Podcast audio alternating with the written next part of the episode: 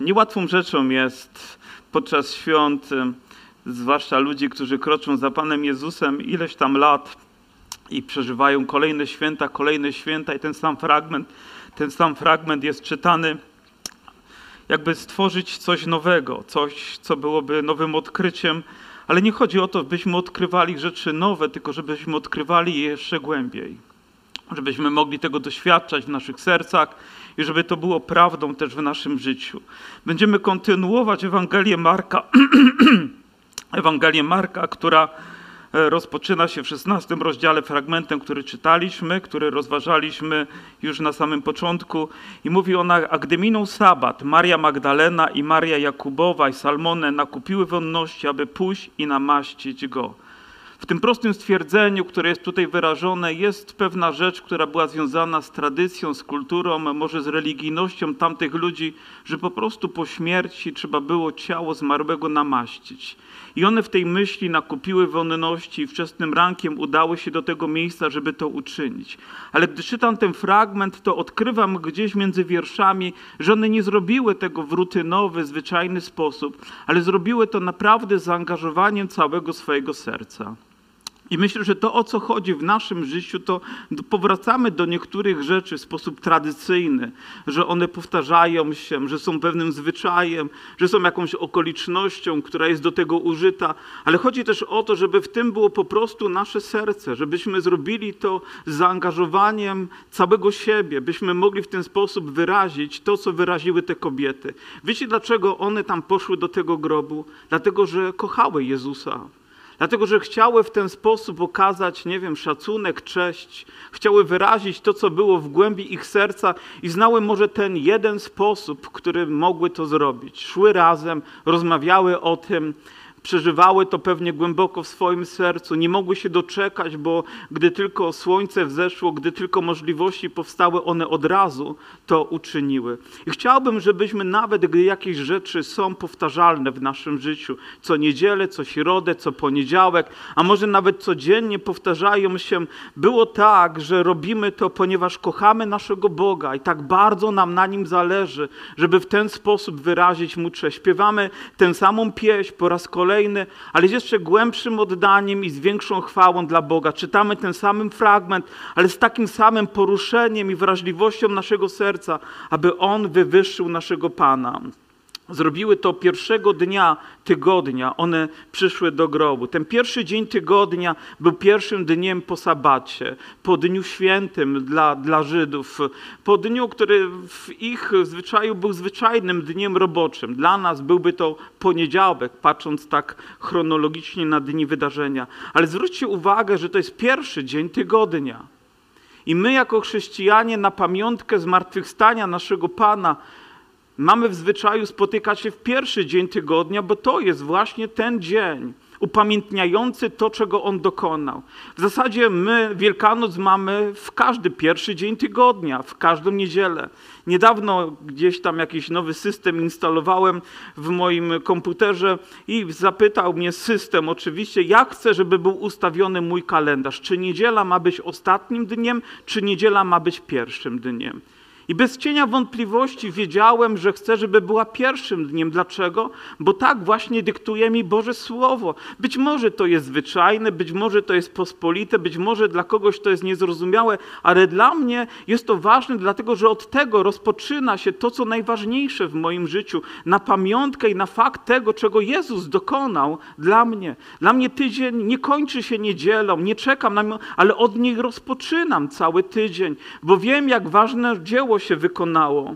Powiem, w historii wiemy, że ten dzień, ten pierwszy dzień tygodnia, on różnie był nie wiem, nazywany. Na przykład był nazywany Dniem Słońca, na cześć Słońca i w związku z tym kultura anglosaska ma taką nazwę Sunday, który mówi o niedzieli, a więc Dzień Słońca, Dzień Słoneczny, dzień na pamiątkę tego. My mamy niedziela jakby z kultury słowiańskiej, która mówi nie działamy. Niedziela, czyli nie pracujemy, nie mamy żadnych aktywności, w związku z tym odpoczywamy bo jest to dla nas dzień. Ale chyba najbardziej podobają mi się inne określenia, które mm, wynikają z nazwy, że to jest Dzień Pański. Gdybyście zajrzeli do słownika francuskiego, a może hiszpańskiego, to właśnie jest to Dzień Pański. Albo gdybyśmy jeszcze poszli bardziej na wschód i do Rosji, to jest to Waskresienie. Dobrze pamiętam? Tak właśnie się nazywa, bo to jest Dzień Pamiątki Zmartwychwstania Jezusa.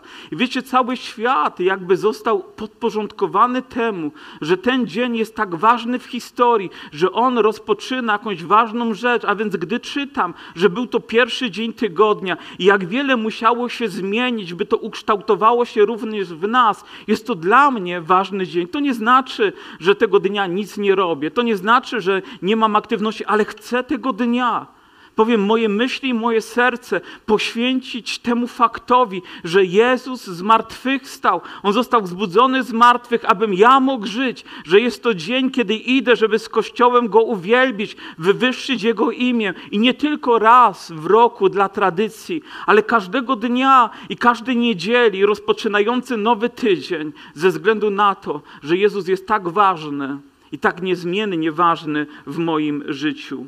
I one mówiły sobie po drodze, ponieważ e, wiemy, że grób Pana Jezusa został zasunięty ciężkim kamieniem. Niektórzy nawet mówili, że ten kamień ważył tyle, że potrzeba było czterech dorosłych mężczyzn, by go odwalić. A tutaj szły wątłe kobiety, przynajmniej tak myślę, które nie miały na tyle siły, żeby to zrobić, wiedząc z czym się zmierzą, mówiły tak do siebie: Któż nam odwali kamień od drzwi grobu?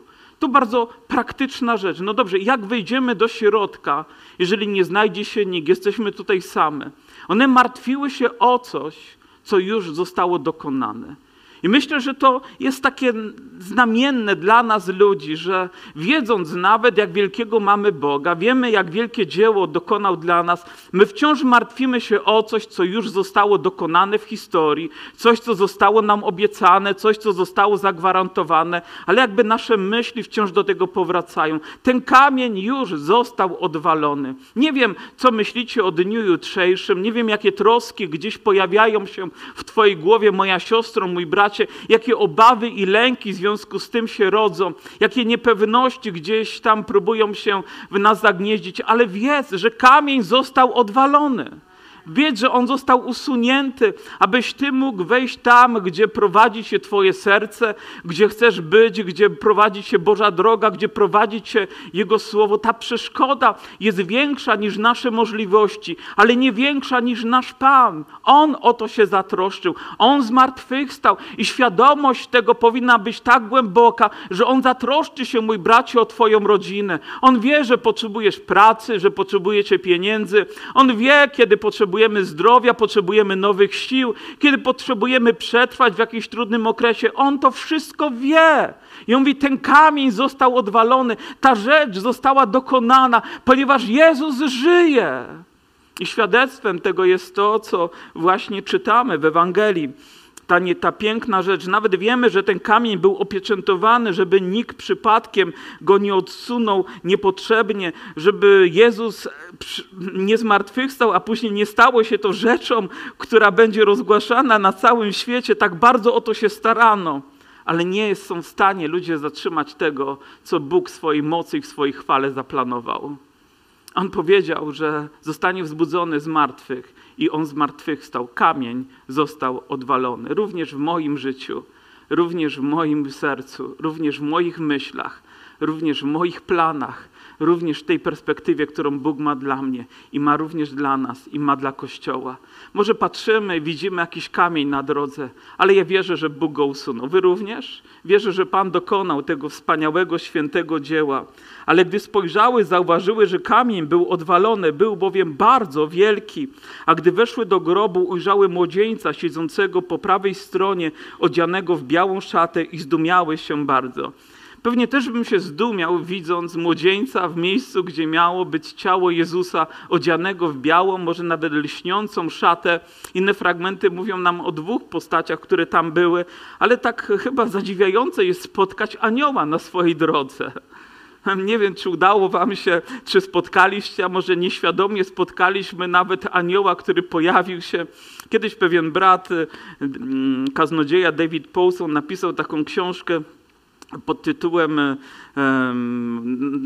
Czy piekło istnieje? I to było takie kontrowersyjne i zastanawiał się, czy wydać tę książkę, ponieważ to taki temat trudny, może bolesny dla wielu, może ignorowany nawet przez Kościół i nie dzisiaj chciałbym przywoływać jako główny temat, ale napisał tę książkę i, i w związku z tym miał rękopis i, i pytał, panie, czy mam go wydać, czy nie.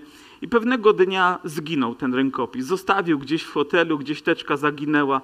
I mówi, Boże, może mam nie wydawać tego rękopisu, może mam nie wydawać tej książki. Mówi, ale jeżeli chcesz, to ona się odnajdzie. Wyjechał z tego miejsca kilkaset kilometrów dalej i gdzieś na lotnisku, o ile dobrze pamiętam tę historię, podchodzi do niego pewien młody człowiek, ładnie, elegancko ubrany, nic innego w ręce nie ma, tylko tę teczkę, którą on tam zostawił, wręcza mu bez słowa i odchodzi nie wiem, nie, nie, tłumacząc nic, nie wyjaśniając ani jednego słowa, po prostu mu wręcza, ten otrzymuje, wymieniają się może tylko spojrzeniami i odchodzi. Czy to nie jest zadziwiające? Ale wierzę, że, że gdy jesteśmy ludźmi wiary, to takie zadziwiające rzeczy mają miejsce w naszym życiu. Czasami bardziej albo mniej świadomie. On powiedział, że nawet chroni nas, gdy my upadamy, gdy próbujemy się zranić, może wbrew Jego woli coś robimy, ale On chroni nasze życie, ponieważ On jest wszechmogącym Bogiem. Może czasami jakiś ślad tylko mały pozostaje, byśmy byli świadomi tego, że Boża ręka zadziałała w naszym życiu. Ile razy ona została wyciągnięta, by chronić mnie i Ciebie. One zdumiały się. Jestem zdumiony łaską i wielkością Boga. On zaś rzekł do nich, nie trwóżcie się. Łatwo powiedzieć, już jak przemówił, prawda?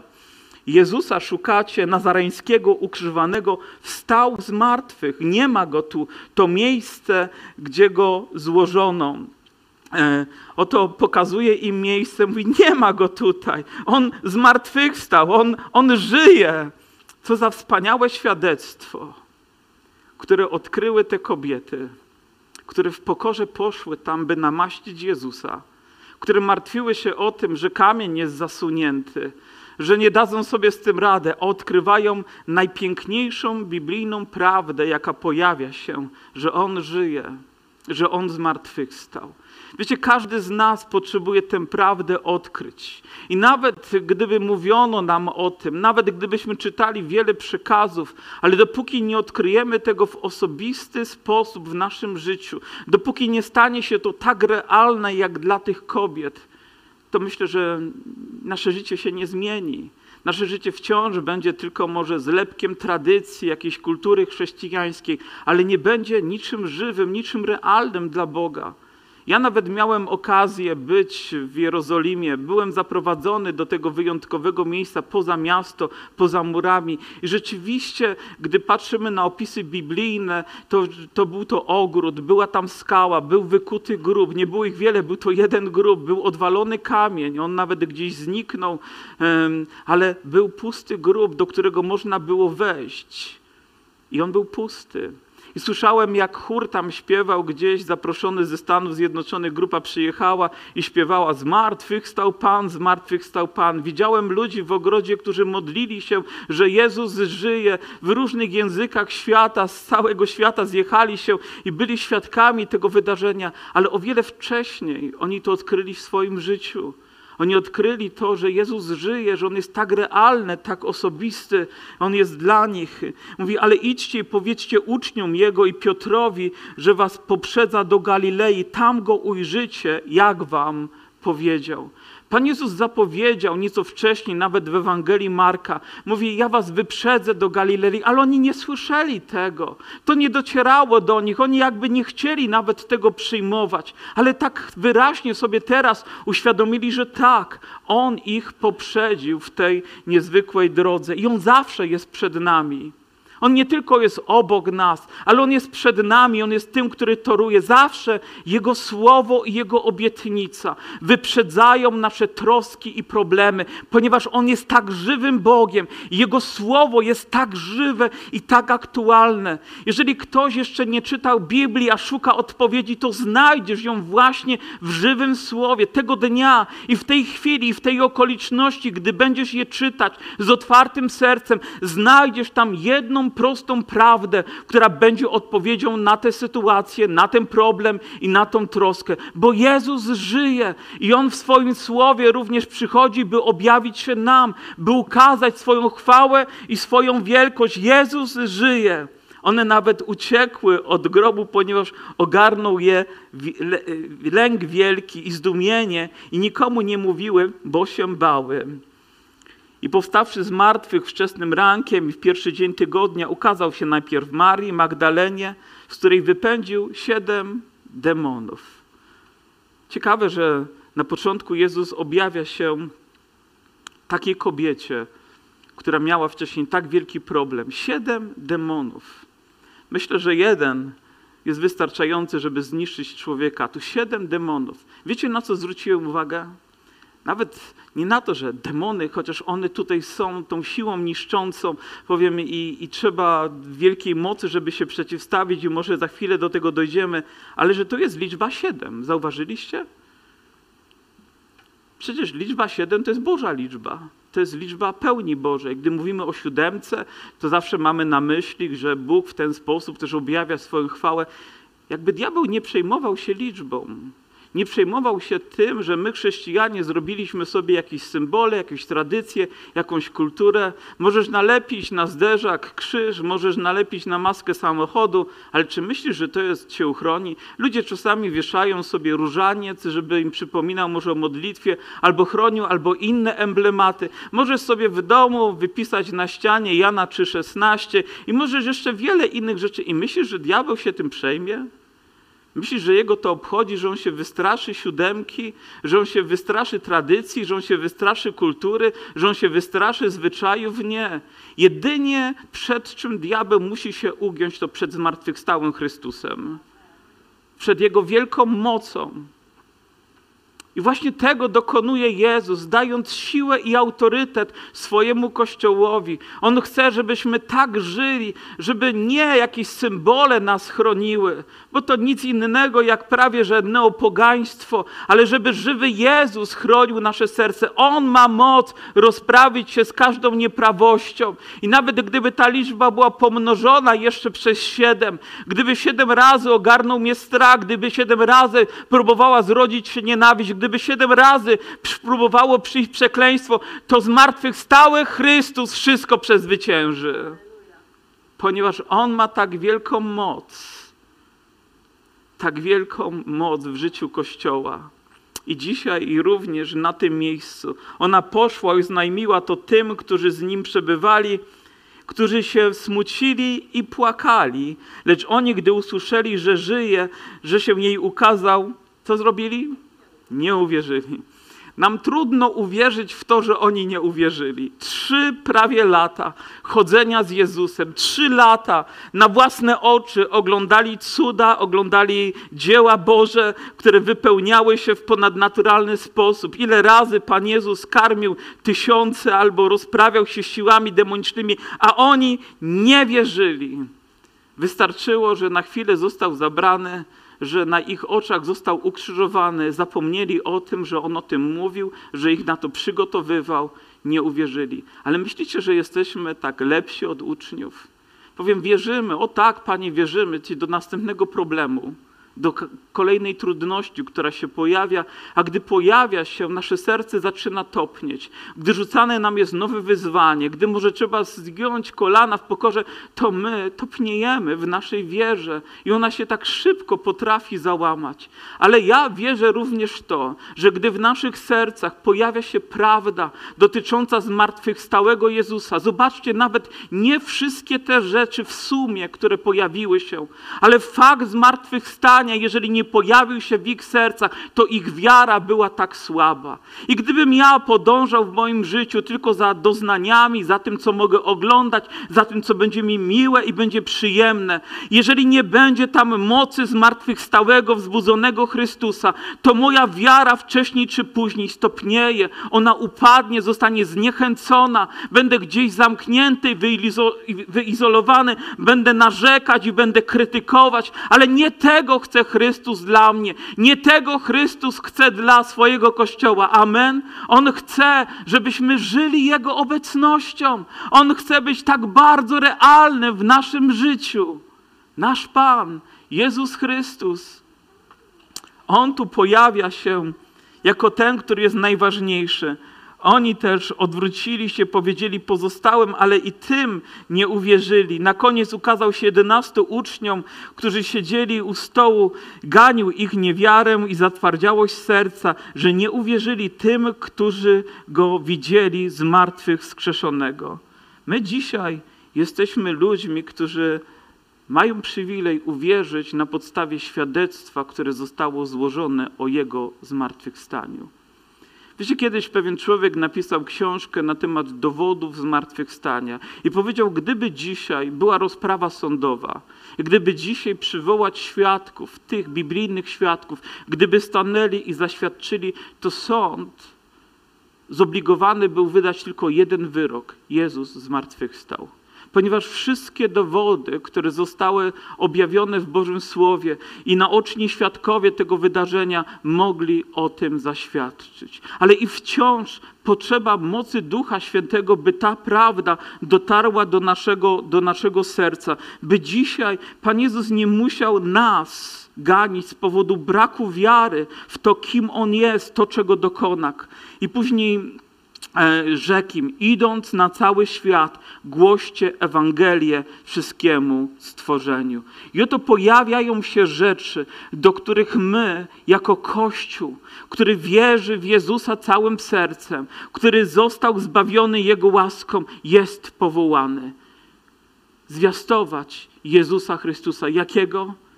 Ukrzyżowanego i zmartwychwzbudzonego. Tego, który żyje ten świat jest biedny bez Boga, jest biedny bez Jezusa. Mówi: idźcie na cały świat. I być może całym naszym światem jest nasza miejscowość, jest region, w którym żyjemy, ale wiecie, wciąż wierzę, że w tych słowach zawierało się coś, czego oni nie byli w stanie zrozumieć, że nie tylko gdzieś w tej kulturze, w której oni się poruszają, Ewangelia będzie zwiastowana. Dla Piotra, który słyszał te słowa, chyba tak dramatyczną rzeczą było uświadomić sobie, że on będzie musiał iść do pogan. Wiecie, dla niego to było jak lot w kosmos. To było dla niego tak niezrozumiałe, to była tak ogromna bariera, ale nawet ona została pokonana tylko dzięki temu, że Jezus został wzbudzony z martwych. Gdyby ta świadomość nie była w jego sercu, gdyby na tym nie opierała się jego wiara, nic nie byłoby w stanie go przekonać.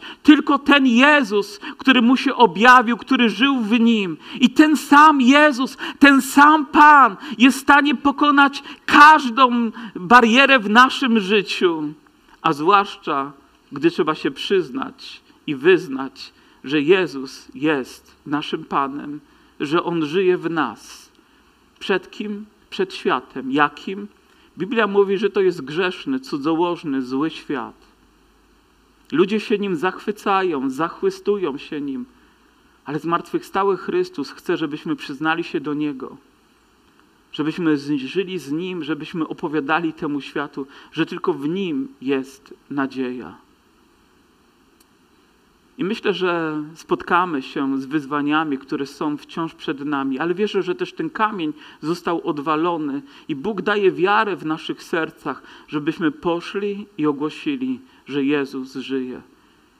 Uświadomiłem sobie, że Zazwyczaj na święta, gdy mieliśmy nabożeństwo albo na jakąś okoliczność, nie tylko chcieliśmy, żeby przyszli ludzie, którzy są częścią społeczności, ale chcieliśmy, żeby zaprosić naszych sąsiadów, naszych znajomych, naszych przyjaciół, żeby mogli usłyszeć o Jezusie, o tym, że On żyje, żeby mogli tego doświadczyć w swoich sercach.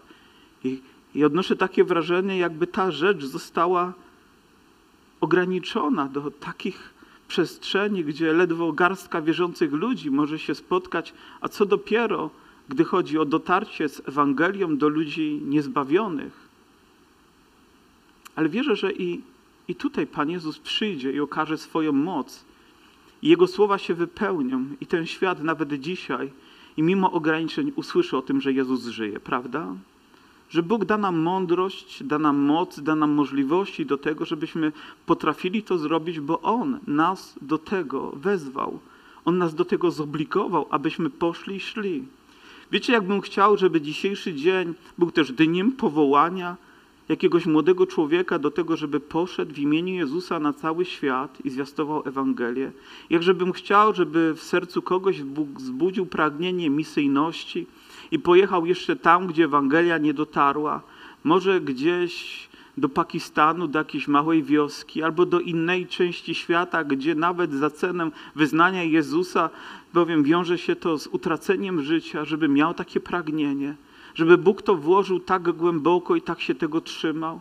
Wiecie, nie chodzi tylko o to, żebyśmy teraz na oparach przetrwali do kolejnego dnia, ale chodzi o to, żebyśmy dzięki zmartwychwstałemu Chrystusowi zwyciężali każdego dnia, pokonywali wszelkie trudności i ogłaszali, że On żyje. On żyje w Twoim sercu, On żyje w Twoim domu. A później czytamy tak, kto uwierzy i ochrzczony zostanie, będzie zbawiony, a kto nie uwierzy, będzie potępiony. Nieprzypadkowo rozpoczyna się ten wiersz od słowa kto uwierzy. Nie chodzi tylko o tradycję wierzenia, ale o żywą wiarę, która jest zrodzona na fundamencie Ewangelii Bożego Słowa. Kto uwierzy i kto zostanie ochrzczony. I te dwie rzeczy są od siebie nierozłączne. One nie mogą być oddzielone i myślę, nawet w czasie nie powinny być bardzo oddzielone. Jeżeli uwierzyłeś, to kolejnym krokiem, naturalnym, biblijnym zaleceniem jest to, że masz przyjąć chrzest. Nie dlatego, że ja tak postanowiłem, nie dlatego, że Kościół ewangeliczny ma taki zwyczaj. Czasami mówi się, a jak u was chrzczą? No tak, jak Jezus nakazał. My chrzcimy nie dlatego, że tak to przejęliśmy od naszych dziadków w wierze, ale dlatego, że przyjęliśmy to z Bożego Słowa i po prostu wypełniamy. A więc najpierw widzimy człowieka, który uwierzy, a później człowieka, który daje się ochrzcić, a to rodzi nowe życie. To rodzi życie wieczne w naszych sercach, jest tak niezwykle ważne. Pamiętam, jak jako młodego też kaznodzieję wezwał mnie pewien starszy człowiek, zadzwonił do nas tutaj do kancelarii i poprosił o spotkanie. Pojechałem na spotkanie razem z nim. Miał bodajże 90 lat i rzeczywiście był już starszym człowiekiem i nastawiłem się tak bojowo, że będziemy rozmawiać o Jezusie, o wierze, o zbawieniu i nawet już myślałem, jak będziemy tego starszego człowieka chrzcić. A on na spotkaniu popatrzył na mnie wyciągnął kartkę papieru i na niej miał listę rzeczy, które chciał ze mną przedyskutować. I mówi: Jeżeli się do Was zapiszę, to czy Wy macie pielęgniarkę? Mówi, czy macie krawcową, czy macie szewca. I później miał całą listę rzeczy oczekujących tego, co my mamy mu do zaoferowania. Wiecie, za, za, nie mówiłem przez moment. Nawet nie wiedziałem, jak temu człowiekowi odpowiedzieć. Oczywiście, że mieliśmy tam czy pielęgniarkę, czy krawcową, czy kogoś, kto jakieś tam usługi w tej czy w innej dziedzinie mógł świadczyć, ale nie o to chodziło. Chodziło o to, że ten człowiek nie szukał Jezusa. W jego sercu nie zrodziła się wiara, tylko potrzeba o to, żeby ktoś o niego się zatroszczył. Ja wiem, że i to jest wyraz chrześcijańskiej wiary. Ale gdy mówimy o wierze, to mówimy o wierze w Syna Bożego, o, o, tego, który żyje, o tego, który został wzbudzony z martwych, który jest pośród nas, który jest w nas. I nasza wiara ma to wyrażać. Ona musi być tak czysta i tak niezmienna. Pamiętam, jak pewnego dnia też z bratem Januszem zostaliśmy zaproszeni do człowieka, który był um, śmiertelnie chory. Um, jego choroba już była w takim stanie, że, że określona była niemalże data jego, jego śmierci.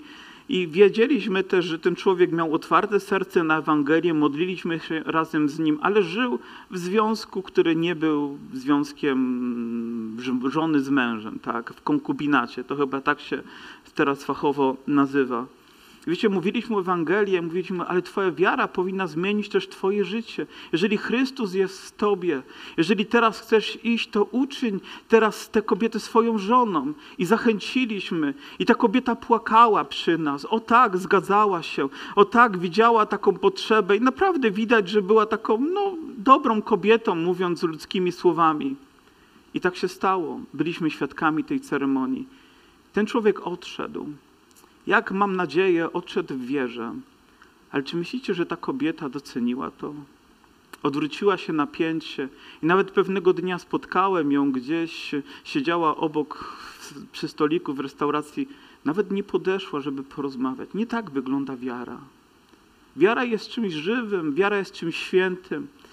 Pamiętam takie właśnie wielkanocne wydarzenie sprzed wielu lat, kiedy tutaj na środek wybiegł człowiek, który kilka dni, może tygodni wcześniej był jedną nogą za barierką swojej poręczy na balkonie, a mieszkał, o ile pamiętam, na dziewiątym albo dziesiątym piętrze, ponieważ chciał skończyć ze swoim życiem ale powstrzymał ten krok. Otworzył swoje serce na Ewangelię, a później wyszedł, aby oddać swoje życie Jezusowi i jest do dnia dzisiejszego człowiekiem wierzącym. Właśnie tak postrzegam wiarę, która ma też wyraz w takim posłuszeństwie Jezusowi. Pamiętam, jak pewnego dnia tutaj w taki wielkanocny poranek wybiegł człowiek, którego nazywamy Heniu, Heniu Indianin w historii. Dla wielu z nas być może to postać, którą potrafimy przywołać. Człowiek uzależniony uzależniony od alkoholu, grzechu, żyjący naprawdę złym życiem, ale wyszedł tutaj tego poranka, żeby oddać życie Jezusowi i oddał je. I zrodziła się w jego życiu święta wiara zmartwychwstałego Pana, pełnego życia i mocy. Jego życie się przemieniło. Kilka dni później on zmarł. I można powiedzieć tragicznie, ale ja wierzę, że był zbawiony, ponieważ uznał, że Jezus jest jego Panem, wyznał, że Jezus jest jego Panem. I właśnie o takiej wierze mówimy, nie nominalnej, nie tej, która ciągle czegoś oczekuje, ale ta, która wierzy, ta, która jest pełna poświęcenia i oddania, ta, która jest gotowa postawić kolejny krok w posłuszeństwie w Jezusa, w Syna Bożego. Ta wiara ma znaczenie dla nas. Ta wiara będzie zwyciężać każdego dnia. Ja jestem człowiekiem, który, nie wiem czy zauważyliście, ale starzeje się. I zauważam, jak coraz mniej rzeczy sprawia mi przyjemność i jak mniej rzeczy już imponuje mi. Ale są rzeczy, które odkrywam głębiej i które są dla mnie większą wartością niż kiedykolwiek wcześniej. Były, a teraz coraz głębiej i głębiej. Wiecie, w chrześcijańskim świecie no, oglądamy się wielu rzeczy, wielu różnych rzeczy wielu rzeczy na pokaz, wielu rzeczy spontanicznych, wielu rzeczy, które powiem, wyparowują bardzo szybko serca człowieka, ale tylko wierzę, że te, które są oparte na słowie, te, które są pokryte w prawdzie, te mają wieczne znaczenie dla mnie. I je odkrywam głębiej.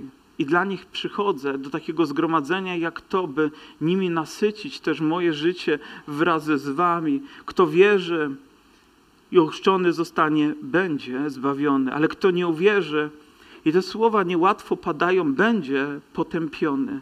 Wiecie, zmartwychwstanie Jezusa było tak ważne w historii i tak błogosławione dla tych, którzy wierzą, i tak tragiczne dla tych, którzy odrzucą ten akt łaski, okazany każdemu człowiekowi.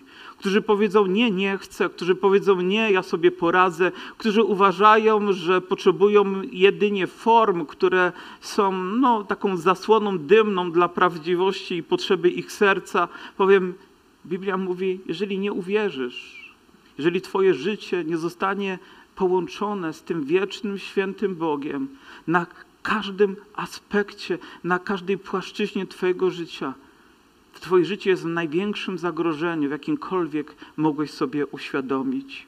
A takie znaki będą towarzyszyły tym, którzy uwierzyli. W imieniu moim demony wyganiać będą, nowymi językami mówić będą. Pan Jezus mówi: Ja, zmartwychwstały Pan, gdy będę w waszym życiu, żadna siła demoniczna nie będzie w stanie zniszczyć ani waszej psychiki, ani waszego serca, ani waszego życia, ponieważ ja będę waszą ochroną. Właśnie tego potrzebujemy. Uświadomić sobie, że zmartwychwstały Chrystus w nas nas jest mocą wystarczającą, by oprzeć się ciemności, która próbuje nacierać, fałszywym naukom, ideologiom, które próbują się przedzierać, ponieważ On jest większy. Amen. I będzie chronił też i swój Kościół w Dąbrowie, będzie okazywał nam swoją moc. Będziemy mogli modlić się nowymi językami. To znakiem tego, że Duch Święty przyjdzie, On napełni nasze serca i da nam dary,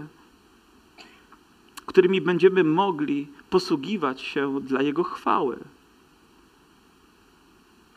Niektórzy ludzie uważają, że to przeszłość, ale chyba nigdy tak bardzo nie potrzebowałem tego daru jak teraz.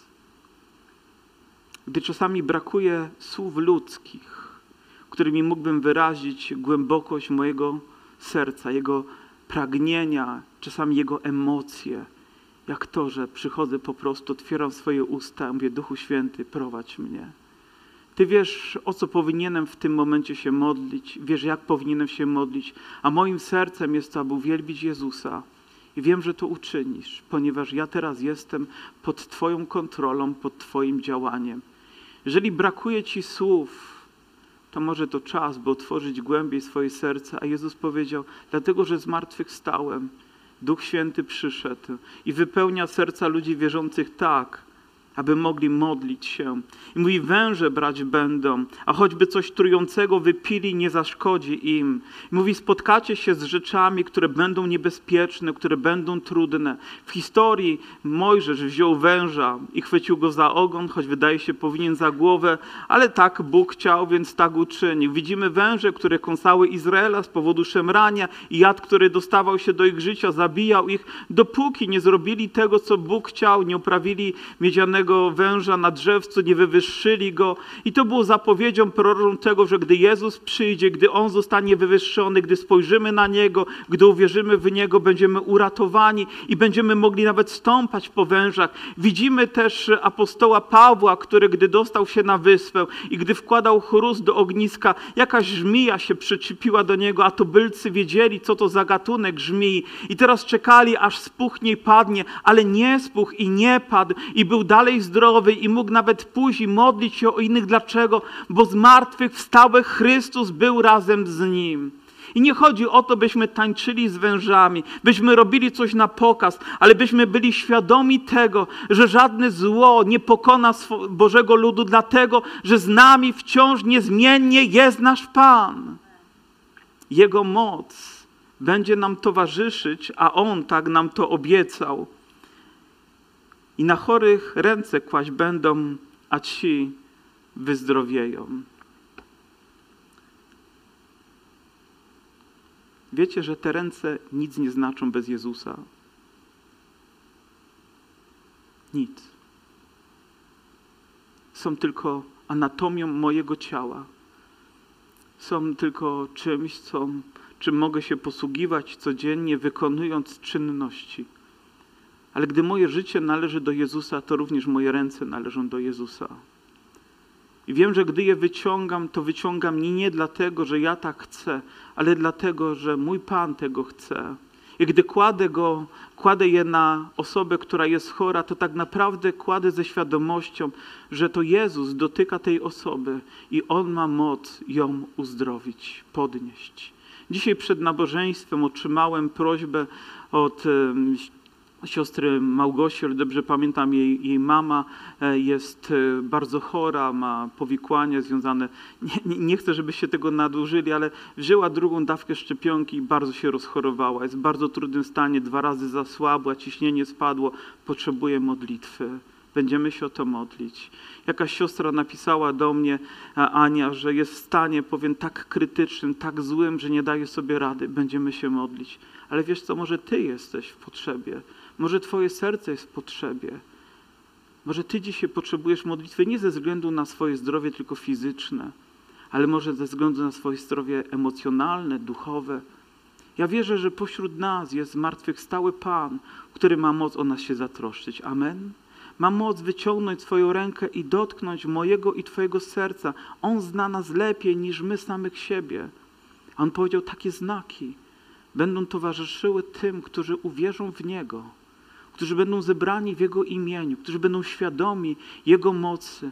Nawet nie wyobrażamy sobie, jak wielka jest moc naszego Boga, jak wielka jest moc Ewangelii, dopóki nie otworzymy naszego serca i nie przyjmiemy tego tak, jak zostało nam to objawione, w prostocie naszego serca. Wiecie, że niektórzy nawet uważają, że Ewangelia Marka kończy się nieco wcześniej, że te wiersze, które czytaliśmy jako ostatnie, one są takim dodatkiem, które gdzieś tam w historii zostały został dopisany. Jakby diabeł chciał pozbawić nas tej części Ewangelii po to, żebyśmy ją lżej, może bardziej pozornie potraktowali, mniej dosłownie. Ale ja wierzę, że ten fragment nieprzypadkowo jest w Ewangelii Marka, po to, żeby uświadomić, jak wielka moc dzięki zmartwychwstałemu Chrystusowi towarzyszy Kościołowi, naszemu życiu.